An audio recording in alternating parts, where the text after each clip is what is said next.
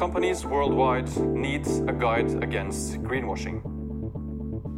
Greenwashing is a form of misleading marketing where uh, a product, service, or company is presented as better in respect to climate change, the environment, or human rights issues without proper documentation to back this claim.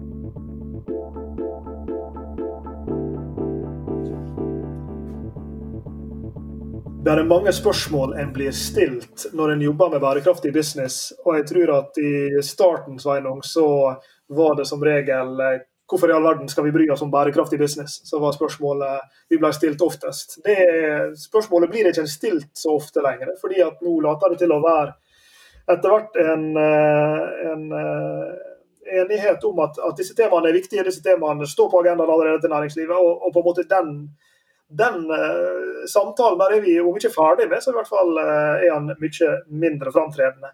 Et annet slikt spørsmål som har seila opp uh, de siste åra og blir stilt oftere og oftere av flere og flere folk i ulike sagt Fra studenter til næringslivsledere til den vanlige det, bekymrede borger, det er dette bærekraftsgreiene til bedriftene. Er ikke det egentlig bare grønnvasking? Og I denne episoden eh, Sveinung, i dette bærekraftseventyret så er det nettopp eh, grønnvasking vi skal ta for oss. Og Vi skal stille spørsmålet hva er grønnvasking for noe, og hva kan vi gjøre med det.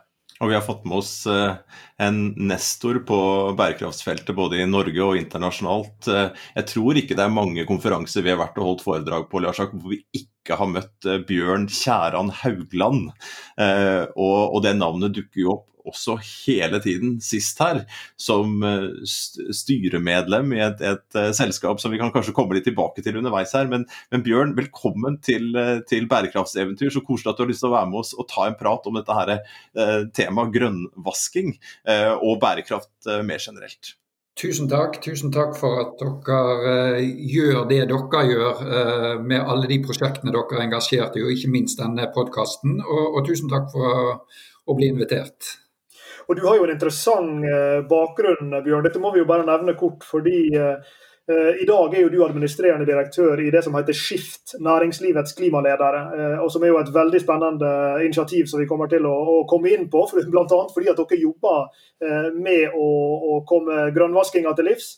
Eh, men tidligere var jo du i mange år konserndirektør for bærekraft i, DNV GL-gruppen. Du var vel kanskje en av de første konserndirektørene for bærekraft i Norge, kan jeg forestille meg. Og du jobber jo internasjonalt, uh, i tillegg til å truffe deg på konferanser. Vi truffer deg på mange flyplasser. Uh, så du har jo lang erfaring fra å jobbe med mange bransjer. både energibransjen, shipping, maritim osv. Så, videre. så du har jo sett dette her fra, fra begge sider, så, så å si. Hvordan er, er nær sagt overgangen fra det, det, yrkeslivet du hadde før og det du hadde nå, er det, er det, er det mer av det samme, eller er det en ny verden å være direktør i, i Skift? Uh, ja, det er jo litt begge deler. Uh, det er jo både mer av det samme, og så er det selvsagt en ny verden i den forstand at en uh, si, kommer ut av rammene fra én bedrift og, og, på en måte får en plattform der en på en måte kan, kan jobbe med næringslivet mye bredere. Og så den største endringen vil jeg jo si, for det er nok riktig at jeg var nok en av de første den gangen vi kalte det Chief Sustainability Officer i, i DNVGL. Den rollen tok jeg i 2010, og da tror jeg det var den første i Norge. Og, og det er klart at vi jobbet veldig mye i flere år for å posisjonere DNVGL inn i forkant av den utviklingen vi så. Og Når vi nå ser tilbake, så er det jo klart at hele denne bærekraftsdialogen har jo endret seg voldsomt på de ti siste årene. Og hovedsakelig til det positive. Så nå har det liksom krøpet opp i styrerom, det har krøpet inn i forretningsmodeller, det har krøpet inn i undervisningsinstitusjoner. Og det har krøpet inn i kommunikasjonsavdelingene for alvor. Og det er vel kanskje det som er tema for i dag. At, at kommunikasjonsfolk er blitt, uh, blitt veldig ivrig på, på, dette med bærekraft. Og Hvis vi da eh, kan utfordre deg da, til å nær sagt definere dagens tema, for å si det på den måten. For du er jo Hvis her er en redningsmann da for, for grønnvaskingens utbredelse, så, så, må jo du være langt framme i, i, den køa. For du står jo bl.a. bak noe som heter Grønnvaskingsplakaten sammen med, med, dine gode kollegaer. Og Det skal vi komme tilbake igjen til. Men, men kanskje aller først kan, kan du prøve deg på en, en liten problembeskrivelse. Hva er det for noe, dette som vi kaller for grønnvasking? Og hvorfor er det et problem? Ja, og, og, da skal jeg gå rett på sånn som, sånn som, vi har tatt fatt i det. Og Da sier vi at grønnvaskning er en form for misledende markedsføring.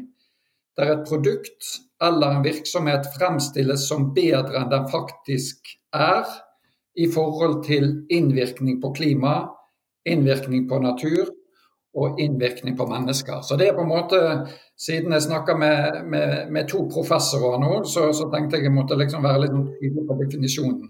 Sånn er det vi, vi, har definert det. Og Så skal jeg bare skynde meg til å si at um, når, når Skift si, tok fatt i denne problemstillingen, så var det på en direkte utfordring vi fikk fra tre, tre bærekraftsentusiaster som jeg tror dere kjenner. Peter Gulli eh, i 12 Years, Ida Hatlebrekken i Looping og Silje Barreksten i Tre Norske. Så de skrev en, en kronikk i Finansavisen eh, der de på en måte tok fatt i eh, i, i, i, hele den grønnvaskingsproblematikken, og på en måte utfordret næringslivet til å ta fatt i dette selv. Og Det er liksom, det er også kjernen i Skift. Altså, skift er jo av næringslivet for næringslivet. Så vi ser på en måte hva er det vi kan ta fatt i selv. Og grønnvaskning, der trenger vi ingen overføringer fra staten. Vi trenger ingen retningslinjer fra staten. Vi trenger kun å se oss selv i speilet, lære fra hverandre og skjerpe oss.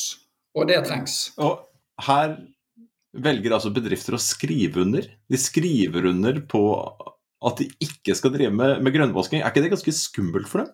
Ja, øh, du kan si det, det vi gjør, og, og det er også henspeiler på, på hvem Skift er. Skift, I Skift så er vi for ting, vi er ikke mot ting. Altså, Vi er ikke en miljøorganisasjon, og, og, og all ære til de som tar en utrolig viktig eh, del i det offentlige ordskiftet med å på en måte å å være en vaktbikkje. Men i Skift så ønsker vi å tilrettelegge for at næringslivet skal, skal lykkes. Så, så, når vi lager disse ti prinsippene for, for grønnvaskning, så, så, er det en veileder som vi tenker alle kan strekke seg etter.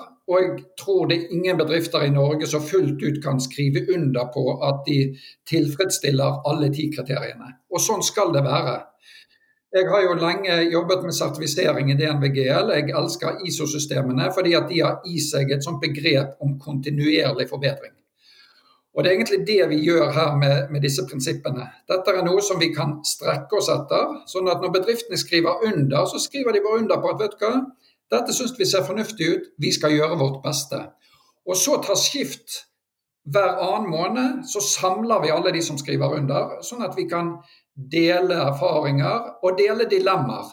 For det er åpenbart en god del dilemmaer, men uh, de lærer vi best av med å dele erfaring fra hverandre.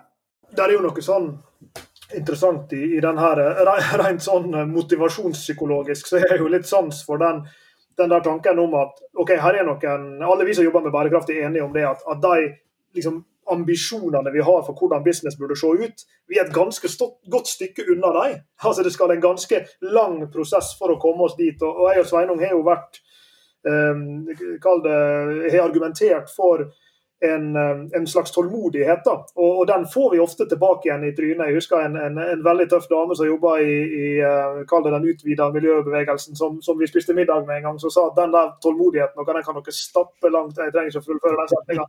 Dere får se hvor den var på vei. Og, og her er jo selvfølgelig gode grunner for å tenke at, at dette haster. Vi, vi ligger langt bakpå, her er mange ting som skal løses.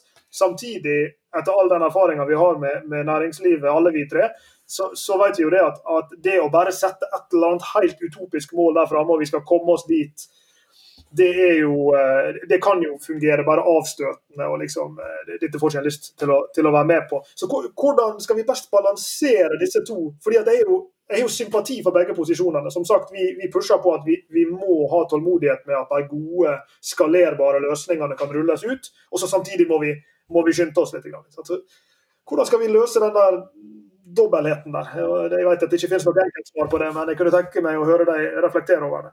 Ja, og, og, og det, er, det, er, sånne balanseganger hele tiden. Og, og, sånn som vi har valgt å løse det nå, eksemplifisert gjennom denne, det vi gjør med, med grønnvaskning, det er jo det at vi, som sagt på den ene siden sier at ja, dette er en veileder som alle kan strekke seg etter, og vi, vi, vi, bygger en struktur rundt det, sånn at en kan lære fra hverandre og hele tiden forbedre seg. Og så kombinerer vi det med eh, gjennomsiktighet, og, og, det er jo der signaturen kommer frem. Eh, og, og, og, Sånn sett skaper du den balansen. For det er klart at eh, Før en bedrift setter logoen sin på en sånn side, ja, så har det vært behandlet internt. Uh, toppledelsen har vært involvert. Og det, det skaper et, et, commitment. Det er klart, uh, da, da, har vi sagt at, at, vi skal jobbe i denne retningen. Så, så jeg, jeg, tror veldig mye på det med å gjøre ting gjennomsiktig. og Derfor så tror jeg at den type ting der en på en måte kan, eh, kan eh, signalisere at en, en, støtter noen prinsipper. Eh, da ligger det et commitment. Og den reelle endringen i, i forhold til grønnvasking, den, den, må jo skje internt i bedriftene. Men det som har vært kjekt å se her, er jo det at sånn som jeg opplever veldig mange av de bedriftene som har endt opp med å skrive under på det, så har initiativet kommet litt nedenifra i bedriftene.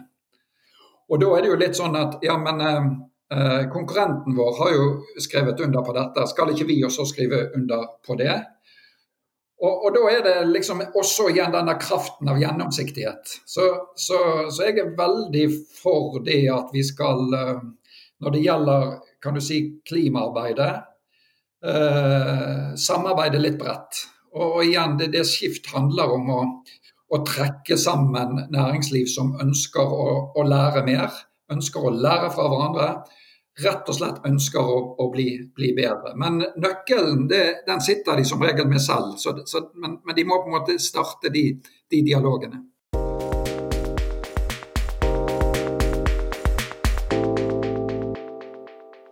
Du tenker tilbake her når du snakker, snakker om dette med gjennomsiktighet, så ser jeg for meg deg på scener opp gjennom åra som har sagt at bedrifter er nødt til å forberede seg på å være nakne. Jeg tror, det, jeg, tror det, jeg tror, det, er riktig eh, parafrasert sånn noenlunde, og det, er, og det er du som er avsenderen i mine ører, i hvert fall. Um, og bakover i tid så så virket det litt sånn hypotetisk. Ja da, det skal bli nakne en gang. Og så vet vi at det er litt var greiere å drive Fifa i gamle dager og, og, og kunne bygge opp noen herskapshus eh, her og der og få litt penger på, på kryss og tvers. Uh, og, og, nå er det jo mer, mer, oppmerksomhet rundt det, og mer nakenhet da, rundt dette her. Jeg, jeg, ser jo inne på denne eh, grønn, grunnvasking.no, så, så, så finnes det en sånn rapportering av grønnvasking. Dersom du mener at en bedrift, organisasjon eller virksomhet driver med villedende villedende markedsføring i forhold til ett eller flere av FNs bærekraftsmål, så kan det være et brudd på markedsføringsloven. Dersom du mistenker dette, tips Forbrukertilsynet på sånn og slik. Eh, vet du om det har skjedd? Uh, ja, om, om, det har kommet akkurat via den knappen der, så vi er på vår side, det vet jeg ikke. Men, men Forbrukertilsynet har jo også lagt vår plakat på sine hjemmesider. Og, og vi uh, jobbet sammen med de for å utforme plakaten. Uh, men, men, men, så er det jo mange som sier ja, men jeg, jeg å si, hva gjør Skift, og vil dere på en måte passe på at, at det ikke skjer grønnvaskning? Og, og, og der, der, strekker vi en veldig sånn tydelig linje. For det at vi har på en måte institusjoner i Norge som, som har det mandatet, det er ikke vårt mandat. Og Derfor så på en måte bare henviser vi til de som har den tilsynsmyndigheten, at de må, må følge opp. Da. Og så er vi mest opptatt av å skape gjennomsiktigheten, men mest av alt sørge for at bedrifter lærer fra hverandre. Og jeg tror dette er de mest eh, uh, populære kan du si, sånne webkursene vi har. Eh, og de er, de er sykt enkle, for det handler kun om at bedrifter forteller om det de gjør, forteller om det, det de syns er vanskelig, og får litt ideer fra andre som på en måte gir de råd og veiledning. Så så dette er mest av alt en sånn læringsplattform. Det som er morsomt med det der, er jo, eller morsomt, det er ikke helt ordet, men det som, som er spennende med det, er jo at uh, en sånn type gjennomsiktighet det kan jo også mobilisere ulike grupper av interessenter til å respondere. Akkurat som du sier, der er regulatoriske aktører som forbruker, Forbrukertilsynet f.eks. Jeg satt, eh, hadde gleden av å sitte i dette såkalte etikkinformasjonsutvalget sammen med Bente Øverli fra Forbrukertilsynet. Og Det var veldig øyeåpne for meg, for jeg aldri sett på verden gjennom disse regulatoriske aktørene der sine briller før. Og det å høre hun fortelle om, om saker som de hadde hatt, og, og, hvor de hadde grepet inn mot aktører som nettopp hadde forsøkt med ulike typer grønnvasking, som du vil tenke er liksom midt i kjernen av det som, som plakaten handler om. Det, det, og kraften i det. Og så vet vi selvfølgelig også at her er det kundegrupper på, på andre sida som kan som kan respondere bedre når de vet hva de skal respondere på. Altså at Denne gjennomsiktigheten gir jo på en måte makt, om du vil, da, til, til disse uh, ulike interessentgruppene. Men så på den andre sida, som du er inne på, så, så uh, er jo et sånt system som dette her også positivt fordi at det kan skape en altså dels en motivasjon, dels en slags i positiv forstand bandwagon-effekt. Altså at den ene bedriften kaster seg på den andre fordi at de ser at andre aktører i, i, sin egen bransje gjør det, eller fordi at de ser at andre bedrifter som de kanskje ser på som en litt sånn ledestjerne fra en annen bransje, er signa opp. Ja, da burde kanskje vi også gjøre det. Og Da er det jo interessant å sitte og scrolle seg nedover sida eh, hvor du ser logoene til bedriftene som har signert. Og da er det jo, Uten at det er et, noe slags sånn forsøk på å klassifisere eller, eh, eller rangere, så, så, er jo det ganske stor spenn fra Bergens egen statsråd Lemkul her eksempel, til, til store industrielle aktører som, eh, som f.eks. Yara. ikke sant? Og det, og det, er jo helt åpenbart at, at fotavtrykkene til disse selskapene vil, vil være veldig ulike hverandre. Og, og bærekraftsarbeidere vil være uh, ulikt hverandre, men de kan likevel passe inn i et sånn uh, likedan univers. Og nå vet vi uh, at en skal ikke ha favoritt blant sine barn, Bjørn. Men er det noen du kunne tenke deg å løfte fram av partnerne, eller av de som har signert her, som du opplever har hatt en bevegelse i en retning som uh, Enten det er fra at de var veldig brune til at de er blitt grønnere, eller det er fra at de var ganske grønne til at de er blitt mye grønnere. Er det liksom noen partnere som er sånn, om ikke best practice, så i alle fall um, som lytterne våre kunne ha, interesse av å høre om? Ja, uten at jeg skal liksom putte de inn i noe sånn spesiell kategori, så er det jo uh, en, en, del sånne store brands som har vært veldig sånn gøy å jobbe med, syns jeg. Og, og, jeg vil nevne ett av de som er, er, er Orkla. Og Orkla består jo av, av, av, av, flere underselskaper og flere brands. Uh, og Orkla var et av de første selskapene som responderte veldig positivt til, uh, til prinsippene som sa at dette makes sense, og, og, dette har vi lyst til å jobbe med. Og og De har vært med på disse samlingene våre og delt ganske mye på hvordan de har på en måte internalisert denne plakaten. Uh, og, og jeg synes Det var et godt eksempel fordi at de brukte, de brukte, lang tid før de signerte, fordi at de ville ha en god forankring i hele selskapet. Um, uh, men når de først signerte, så, så, var de også veldig tydelige på liksom, hvor de hadde de største forbedringspotensialene. Uh, og De var også veldig og, og, er fremdeles, når vi nå, nå, samles, veldig sånn åpne på å vise liksom, eh, helt sånne konkrete caser på, på, på, hvordan de bruker sin forbrukskommunikasjon. Og, og hvordan, hvordan, effekten av denne plakaten har gjort at de har på en måte blitt mer bevisst. og, og gjort. Ofte handler det bare om små endringer, men, men, men, som på en måte gjør at at, um, at du på en, på en, mye større måte kan liksom stå bak reelt sett det som står der. Så så det er i hvert fall eh, et, et selskap som jeg, eh, jeg, eh, har vært veldig kjekt å, å ha med. Og, og, ikke minst fordi at de, de, har jobbet så mye med, med, med, med liksom å internalisere eh, plakatene. Ja. Bjørn, jeg nevnte innledningsvis at du har jo jobbet både i Norge og, og i hele verden. og nå, nå, er vi inne på det norske her, og det norske er viktig. Og, og, og grønnvasking som, som, tematikk er viktig. Men når du løfter blikket litt, da, du som har har liksom verden eh, er litt drøy, da. Verden i din hånd, var jeg på vei til å si. Altså, men jeg, jeg, jeg, jeg, trekker den litt tilbake. Altså. Jeg, tror ikke jeg skal si at, at, Bjørn, du har verden i din hånd. Men du som har så, du som har så mye Bare, bare kjør på, da. Du har jo svære hender, altså. Du har svære hender. Men, men fortell meg, internasjonalt perspektiv her? Hvordan, hvordan er bevegelsen internasjonalt? Eh, hva? Ja, det, det, er litt artig at du sier det. For jeg, jeg har jo på en måte et, et nettverk som jeg, eh, jeg, jeg, bruker ganske aktivt for å forstå akkurat det. Og det er klart, det, det, det, det, flotte syns jeg som å være nordmann, er jo det at i mange henseender så ser jo resten av verden på, på, det skandinaviske, det nordiske og det norske som på en måte litt sånn hvit røyk i forhold til bærekraft. Altså Her er det noe som er bra, og her er noe som verden kan, kan leve av. Og, og det i seg sjøl mener jeg er en kjempemulighet for, for Norge og norsk næringsliv. Altså det å utnytte det å være et lite land med høyt grad av tillit, eh, og, og, hele tiden ligge i fremste rekke med å utvikle, implementere regulering, løsninger, teknologi for, for klima og bærekraft, er en kjempemulighet. Når det gjelder akkurat det med grønnvaskning, så, så, har vi også, hvis du ser nedover den listen, en del internasjonale aktører som har signert. og Det er delvis pga. at vi vi har jo uh, oversatt denne også til engelsk. Um, og vi har også lansert den globalt sammen med Paul Polman og Pascal Canfin, som leder EU sin, sin miljøkomité. Uh, så, så, det var veldig lett å få de to med til å stille seg bak det. Begge sa det at her er nok Norden kommet lenger enn resten av verden, men desto viktigere at vi kan være med og bruke våre plattformer til å få dette budskapet ut. I tillegg så eh, ligger også en presentasjon av plakaten på TED.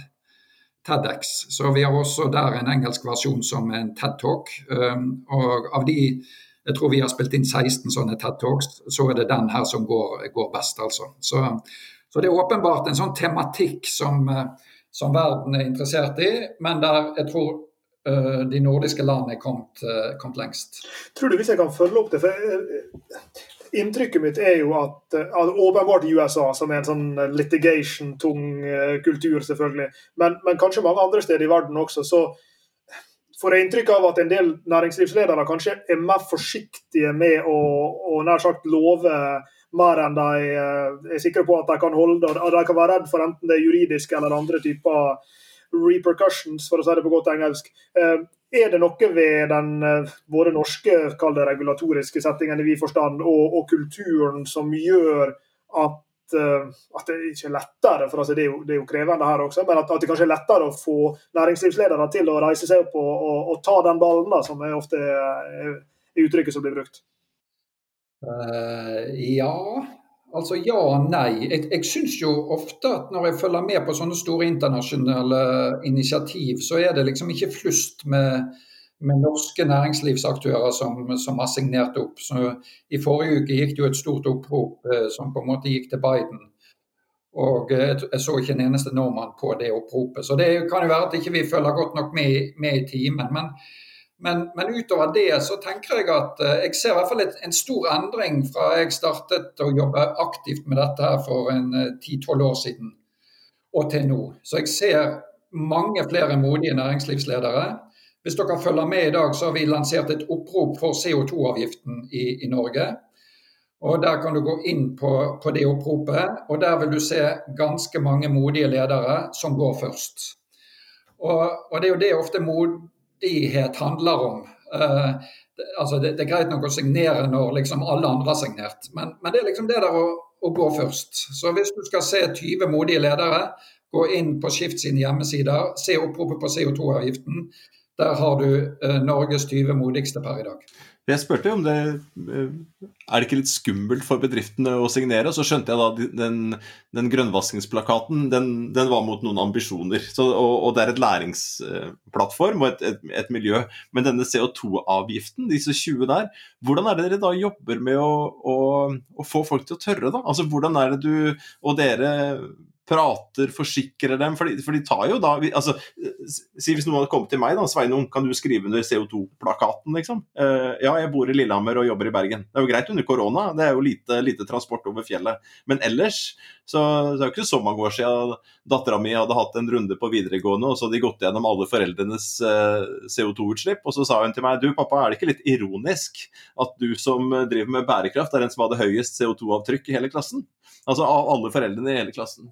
Og her også, og, og Hvis jeg skulle gått ut offentlig, da, det kan jeg gjerne gjøre, så jeg kan ha ambisjon på det og vise fram det. Jeg sier jo høyt og tydelig nå at dette er en ting jeg er nødt til å framover uh, håndtere. med disse bedriftene da, som sitter der uh, med den risikoen involvert, hvordan er det dere jobber for å, for å trygge dem og få dem til å våge?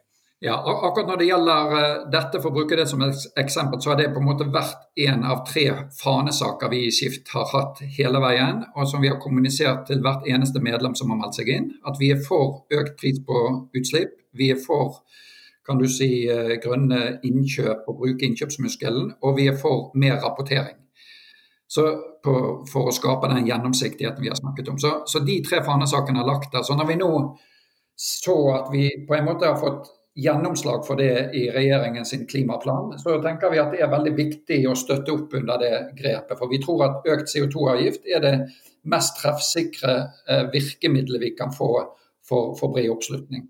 En bred omstilling. Og, og, og, og, rent praktisk da så går vi ut og inviterer eh, liksom eh, de vi tenker støtter et sånt syn. Sånn at vi liksom, jeg tror det er 20 stykker står på den listen nå, og så, og så, bruker vi nå de neste dagene på å engasjere så mange som mulig uh, for det. Så, så, at ikke det står flere der nå, det er fordi at ikke de har visst om det før nå. Noen, noen, fikk en invitasjon før, uh, før, vi gikk ut med det. Ja. En liten sånn oppfølging på det, for Dette er jo interessant med hva er det som skal til, og hvor er det en skal begynne. Dette er jo det mange, mange ledere selvfølgelig lurer på når de, når de setter i gang bærekraftsarbeid i en, i en, virksomhet. og Det er jo et, et, spørsmål også som går igjen. Og når jeg, eh, Uten å, å, ha grønnvaskingsplakaten helt under huda foreløpig, jeg har jo lest, lest disse prinsippene flere ganger og, og, reflektert over dem i forkant av denne samtalen. og Veldig sånn overforenkla, så tenker jeg at her er jo liksom to litt underliggende eh, hva skal en si, ikke tema, men altså to, to underliggende eh, jobber de må gjøre. da der den ene knytter seg til det som jeg kanskje vil kalle for en slags form for integrering. og Det var du inne på i stad. Altså her er jo et par av prinsipper som berører dette med at det skal ikke bare være noe som kommunikasjonsavdelinga eh, driver med, og det skal ikke bare være sånn at vi gjør én liten ting som er grønn, og nå forteller vi om den. Eh, og, og dette siste, med, siste prinsippet som handler om ikke bare kjøp noen klimakvote eller et sertifikat og så er du fornøyd, men at du skal gjøre reelle endringer. Og Dette er jo nær sagt god, god bærekraftspraksis og den første integreringsbiten. Og så er det jo en veldig framtredende sånn kommunikasjons- og i forlengelsen av det gjennomsiktighetsbit. Hva er det du skal fortelle folk om? Hvilke ting må du være åpen på? Eh, hva slags informasjon trenger kunder og andre interessenter for å ordentlig kunne vurdere hvor eh, hvor, hvor flink du allerede er på bærekraft, og om du beveger deg i riktig retning. Og, og alt dette er jo selvfølgelig musikk eh, i våre ører. Eh, men er det to, dette er jo to litt forskjellige fasetter av det samme det bærekraftsarbeidet. Og, og, hvor er det dere anbefaler at en, at en, relativt fersk, altså en bedrift som er relativt fersk i å jobbe med bærekraft, skal begynne? Hvor, hvordan kommer en i gang med å bli en, en, eh, en, samfunnsbygger, som det står på framsida av nettsida deres, heller enn en grønnvasker? Ja, altså da begynner vi egentlig si, litt i, i, helt andre enden. I hvert fall eh, sånn jeg tenker. Fordi at vi, vi snakker om at i, i, et sånt i et samfunn der, der ting blir mer og mer gjennomsiktig pga. teknologiutfordring og andre krav, så er det er, tillit eh, det som kanskje er den største konkurransefordelen en bedrift kan bygge. Det er tillit mot egne ansatte, det er tillit mot kunder, det er tillit mot uh, finansiering, det er tillit mot samfunnet rundt seg. Og, og, og, og, flere og flere produkter og tjenester blir kjøpt fordi at en føler tillit til, til selskapet. Uh, sånn at det det tillitsperspektivet vi er opptatt av å forstå at det er dette det handler om. Det å handle det, det, det, handler om å skape konkurransekraft. Da må du ha tillit. Og da tilbake til plakaten. Da, da handler det jo om å, å, å, si, å bare, bare, bruke den plakaten som en sånn sjekkliste nærmest på å se hvor en er i dag.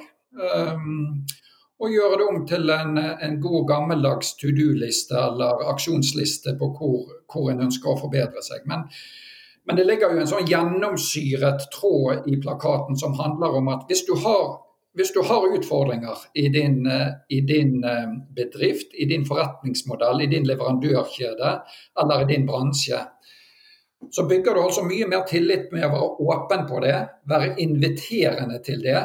Invitere andre til å hjelpe deg å løse det problemet, enn å prøve å skjule det i, i vakre ord og, eh, og innovativ kommunikasjon. Så så det er vel kjernegreia. Å ta tak, altså finne ut hvor du står, være ærlig med den baselinen og være inviterende til hele økosystemet ditt. til å forbedre deg. Og da bygger du altså tillit. Og tillit er det aller viktigste jeg tenker en bedrift, stor eller liten, trenger for å posisjonere seg fremover.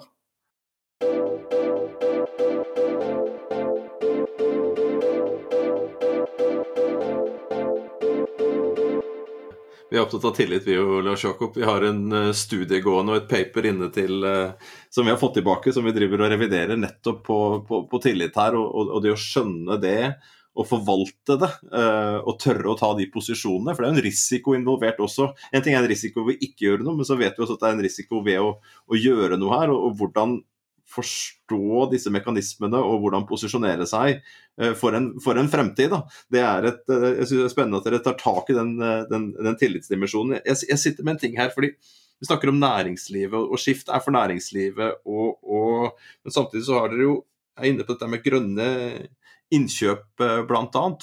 Har dere noe kontakt med det, det offentlige her? Altså sånn, det, har dere, har dere, banker de på døra for å få lov til å være med, eller har dere en liten strategi eh, på gang også for å, for å breie ut, eh, sånn at dere ikke bare eh, jobber med de private bedriftene?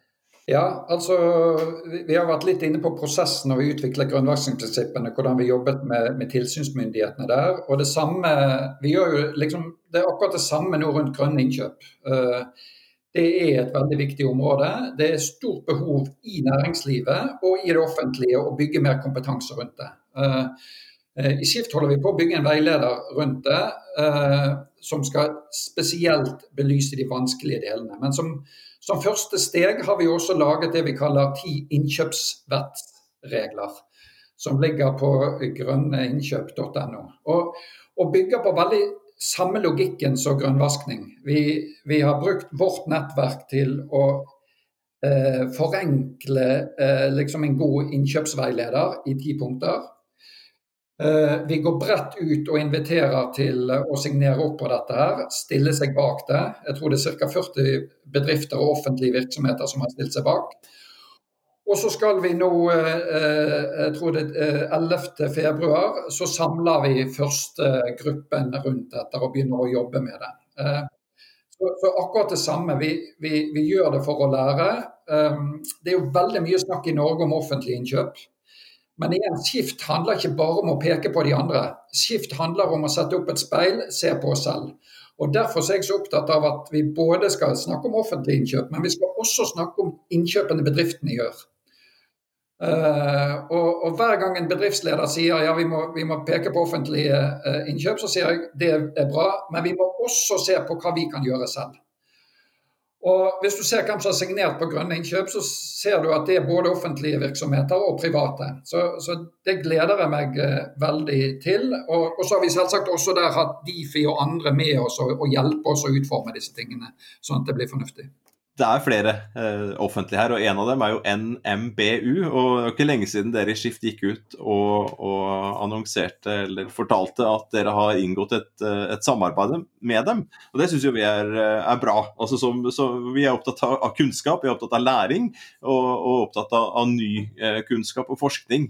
Eh, fortell litt om hvordan dere jobber sammen med, og vil eh, jobbe med NMBU framover. Ja, Først så har vi jo egentlig tenkt, når de har underskrevet altså vi, vi har flere prosjekter med de, men akkurat når det gjelder innkjøp, så uten at jeg vet helt siste tallet, så hadde vi nettopp kjøpt inn for ca. 8 milliarder i, i, i nye, nye, bygg eh, når de flytter Veterinærhøgskolen og alt dette. Så, så, så, en viktig del for oss er jo å få den, den kunnskapen de har hatt gjennom, uh, gjennom si, sine, sine, prosjekter de siste årene, inn, inn i nettverket. Eh, på mer generell basis så jobber vi nå med NMBU på flere fronter. Eh, et av de er et sånt kompetanseprosjekt eh, som er knyttet til, til si, bærekraft og næringsliv. Men det aller viktigste vi ønsker med NMBU, er jo å få kunnskapen rundt natur naturrisiko. Sant? Næringslivet har lært seg å snakke om klimarisiko, men naturrisiko har ikke de fått helt tvungen rundt ennå. Og Det blir et utrolig viktig perspektiv for oss fremover. Og Der skal NMBU og andre universiteter, vi har jo både med NTNU, Universitetet i Tromsø, Universitetet i Oslo, være med og bygge god kompetanse rundt det, sammen med WWF og Zero, som på en måte også er, er fagpartner inn i, inn i nettverket. Men, men, jeg er veldig opptatt av det. Og Nasjonal transportplan, ikke bli overrasket om det kommer noen, noen utspill i forhold til den og hvordan vi tar inn klima og natur i, i den fremover. Et, et siste spørsmål rundt, uh, rundt, grønnvasking før vi skal uh, bevege oss litt, som Sveinung hinta til uh, i stad, inn på noen relaterte prosjekt som du også er involvert i, både som styremedlem og på, på andre måter, og som også indirekte har med grønnvasking å gjøre. men Vi skal, vi skal utvide kampsonen litt. Men jeg har lyst til å stille et siste spørsmål.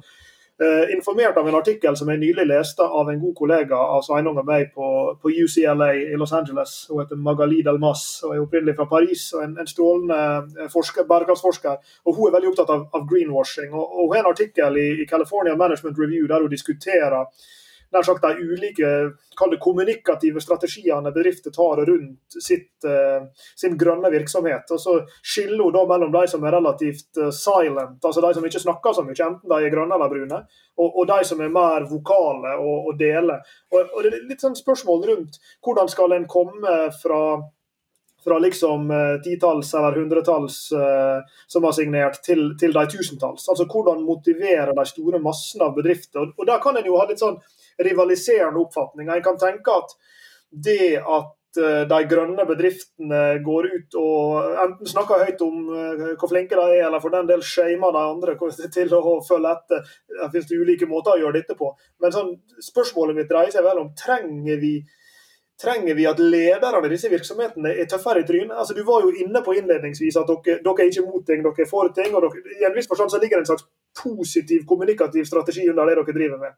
Men ønsker du deg av og til at noen av de som bjellesauene som løper foran her, er litt tøffere i trynet og, og roper til den flokken bak at de må, at de må komme etter? Tja, eh, jeg er nok mest opptatt av å få med flest mulig, på en måte. At, eh, at vi liksom for, for, det er jo sånn, Hvis du ser på strukturen i norsk næringsliv, og den vet jo dere godt om, så er de aller fleste bedriftene relativt små. Um, så, så, så jeg, jeg, jeg, føler allerede vi har et fint strekk i laget sånn sett. Uh, men, men, jeg tror der vi er nå, når vi virkelig snakker om omstilling, så er ikke slaget å gjøre de, de, de beste enda litt bedre. Jeg tror slaget står i å på en måte å, å få med hele leverandørkjeder, få med bredden. For det vi snakker om er ofte systemiske endringer. Og, og de kommer først når, eh, når, hele systemet på en måte giret opp på dette. Så, så i all vår kommunikasjon uh, så er vi opptatt av å lage nå en historie som ikke handler om Vi snakker f.eks. aldri om grønne jobber. Vi syns det med å snakke om grønne jobber er ekskluderende. Uh, hvis vi ser på den omstillingen vi skal gjennom, både for å kutte klimagassutslipp, men ikke minst for å tilpasse oss et, et helt annet klima, så er det sånn at det kommer til å treffe alle sektorer i samfunnet. Derfor sier vi at all, i klimaomstillingen så er alle jobber gode jobber. Så vi må få dette perspektivet inn overalt.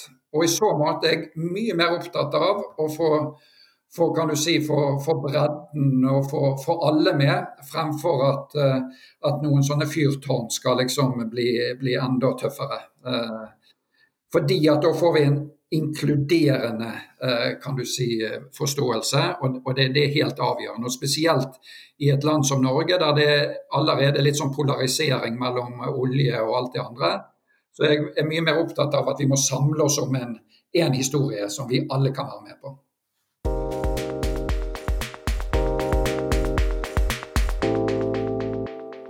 Du har brukt et ord et par ganger eh, i løpet av, eh, av samtalen vår, Bjørn, og det er ordet system. Eh, og det er klart at I overgangen til en, en grønnere fremtid, så, så, er det noen systemiske grep som må tas, i tillegg til alle disse individuelle forbedringene som, som, vi, som vi, har berørt. Og, og noe av en av de mange grunnene til at vi liker deg, Bjørn, det er at du har så mange baller i lufta på så mange forskjellige områder hele tida. Det, det, er en strategi vi, vi, tror på og vi prøver å leve ut sjøl. Eh, og, og, du har jo andre, i tillegg til, til skifthatten din, eh, har jo du andre hatter på. Sveinung var inne på at du sitter i styret til, til flere virksomheter. og også, ja, Du sitter vel til og med i styret til Universitetet i Bergen her i byen. Eh, men jeg tenker spesifikt på et par initiativ som jeg vet at du er med på. Det var vel Kessler kan jeg tenke meg, Sveinung, at du hinta til eh, i, i, starten av samtalen. Som, som er jo et, eh, et, selskap som forsøker å, å få til å, å, å tracke og trace på, på, godt engelsk ressurser rundt omkring i, i, i, verden. og Det trengs for å lykkes med sirkulær økonomi. Eh, et annet spennende initiativ eh, du er involvert i, er jo den såkalte Terravera Foundation, som, som er et selskap med base her i Bergen, her, som uh, forsøker å, å, skaffe til veie så objektiv som mulig informasjon om bærekraftsavtrykkene til selskap som, som, investorer ønsker å vite noe om, som regulerende myndigheter ønsker å vite noe om. Og Sånn sett så er det akkurat som at det danner seg en liten mosaikk her. da. Er, er det store er det store prosjektet som, som du forsøker å bidra til, eh, er det, er det, riktig å forstå det som en slags eh, økt gjennomsiktighet? En økt målbarhet, sporbarhet? Eh, det å kunne få data, kan, data, og informasjon som vi kan bruke, som vi kan stole på, som er sammenlignbar. Er det aner i konturene her av et, av et større prosjekt i Bjørn Hauglands virke? Ja, og det er et par andre selskaper som du ikke har nevnt, men, uh, men det kan vi ta, ta seinere. Men jeg tror hoved uh, kan du si retningen på dette er, som du sier, bygge et økosystem som på en måte skal trives på den megatrenden som, som nå er. Der veldig mye handler om gjennomsiktighet. Og der jeg tror Jeg er jo ingeniør. Eh, så eh, jeg tror veldig sterkt på teknologi. Så, sånn at Terravera er jo en sånn tekststiftelse, så det, det, er ikke så mye bærekraftfolk i Terravera.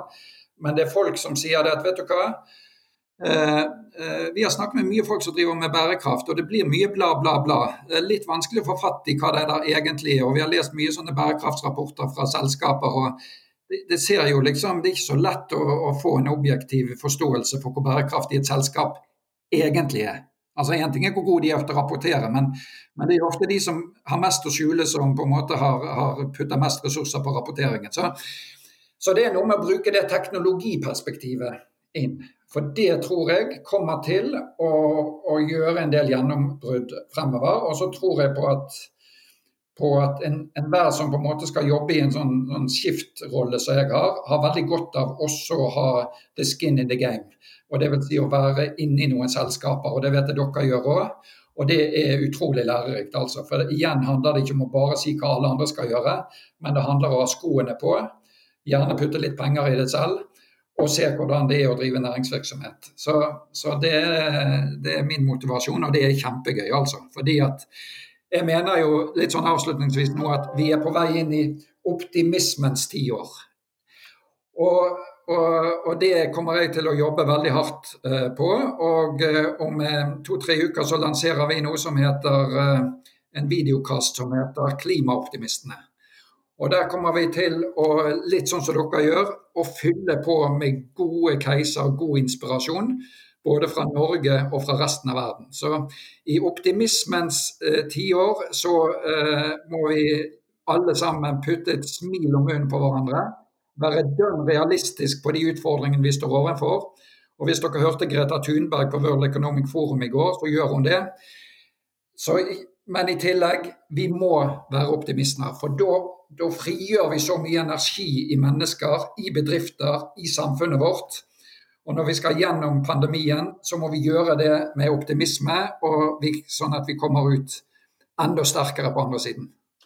Dette minner meg om uh vår gode kollega Ed Freeman Sveinung, i, uh, Virginia, som er uh, nær sagt uh, interessentteoriens far. Han har denne samme gløden. Og Det er fantastisk Bjørn, å få lov til å snakke med deg om, om disse temaene, om engasjementet ditt, om de mange prosjektene dine.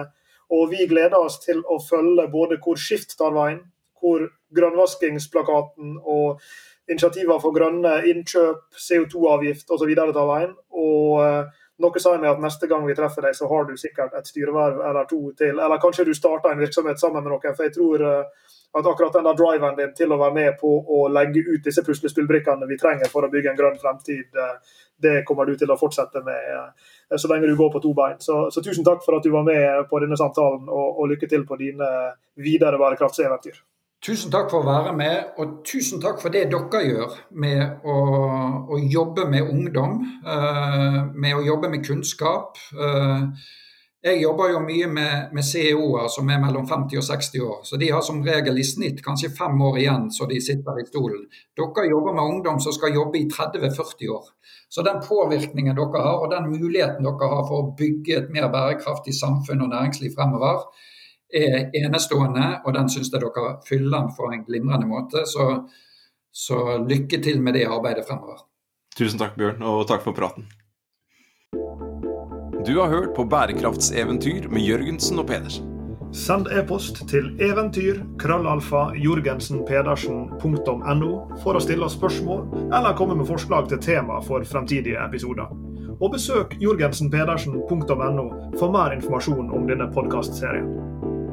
Derfra kan du også fortsette samtalen med oss i sosiale medier på Twitter, Facebook, LinkedIn, YouTube og andre steder.